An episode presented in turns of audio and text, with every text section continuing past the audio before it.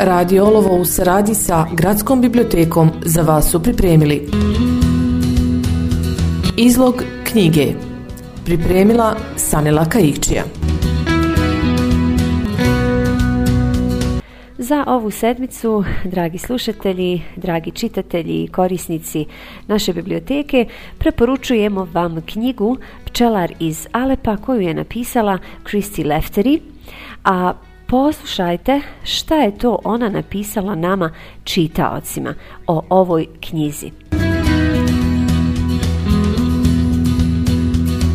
Dragi čitaoče, u ljeto 2016. i ponovo 2017. godine našla sam se u Ateni, volontirajući u izbjegličkom centru. Svaki dan novi ljudi nadirali su u Grčku, porodice izgubljene i prestrašene uglavnom iz Sirije i Afganistana. Moje iskustvo pomaganja tim ljudima u najtežim trenucima njihovih života otvorilo mi je oči. Počela sam shvatiti da ljudi žele ispričati svoje priče, iako tu postoje jezičke prepreke, ali željeli su da govori, da ostali čuju i vide. Djeca su crtala. Crtali su balone i drveće, a onda ispod šator i mrtvo tijelo. Uznemirile su me te slike i te priče, ali to je bila njihova stvarnost, to je bilo ono kroz što su oni prošli. Vratila sam se u London s nadom da će ono što sam vidjela i čula izblijedjeti, ali to se nije dogodilo. Ništa od toga nisam mogla zaboraviti, zato sam odlučila napisati roman, na neki način da ispričam priče te djece i tih porodica. Pitanje koje sam sebi stalno postavljala je šta znači vidjeti? I tako je stvorena Afra, žena koja je vidjela smrt svog sina i koja je ostala slijepa nakon eksplozije koja ga je ubila. Onda sam srela čovjeka koji je nekada bio pčelar u Siriji. On je stigao do Ujedinjenog kraljevstva, napravio pčelinjake i učio izbjeglice o pčelarstvu. Pčele su simbol ranjivosti života i nade. Moj glavni junak, Nuri, nekada je bio ponosan otac i pčelar. A sada on pokušava da se zbliži sa svojom slomljenom suprugom Afrom tražeći je u mračnim tunelima tuge, e, međutim ona odbija napustiti Alep, zamrznuta u svojoj tuzi. Nuri je svjestan da moraju otići ako žele preživjeti i tek onda kada sebi dozvoli da vide, da osjete prisutnost i ljubav jedno drugoga, da će tek tada moći krenuti na put ka novom početku.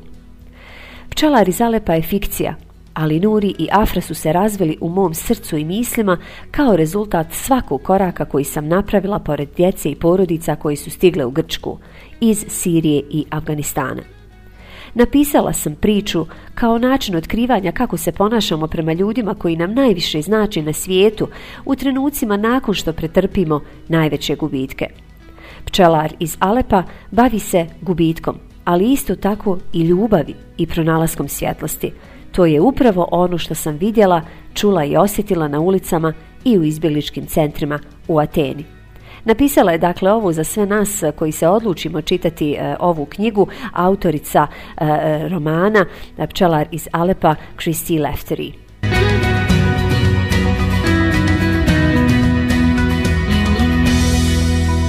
Svjetski mediji su pisali o ovom romanu i ova priča o sirijskim i afganistanskim izbjeglicama odjeknula je svijetom ili se bar nadamo da je e, odjeknula i došla do iskrenih e, duša i očiju koji prepoznaju patnju e, i bol tog naroda već godinama. Snažna priča o izbjegličkom iskustvu, nadi i ljubavi. To je ovaj roman.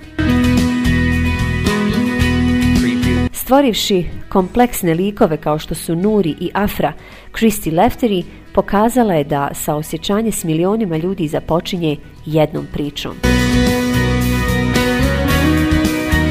Ovo je zaista jedna dirljiva, tužna, emotivna i tekako dobra, svijetla i ipak pozitivna priča o izbjeglicama.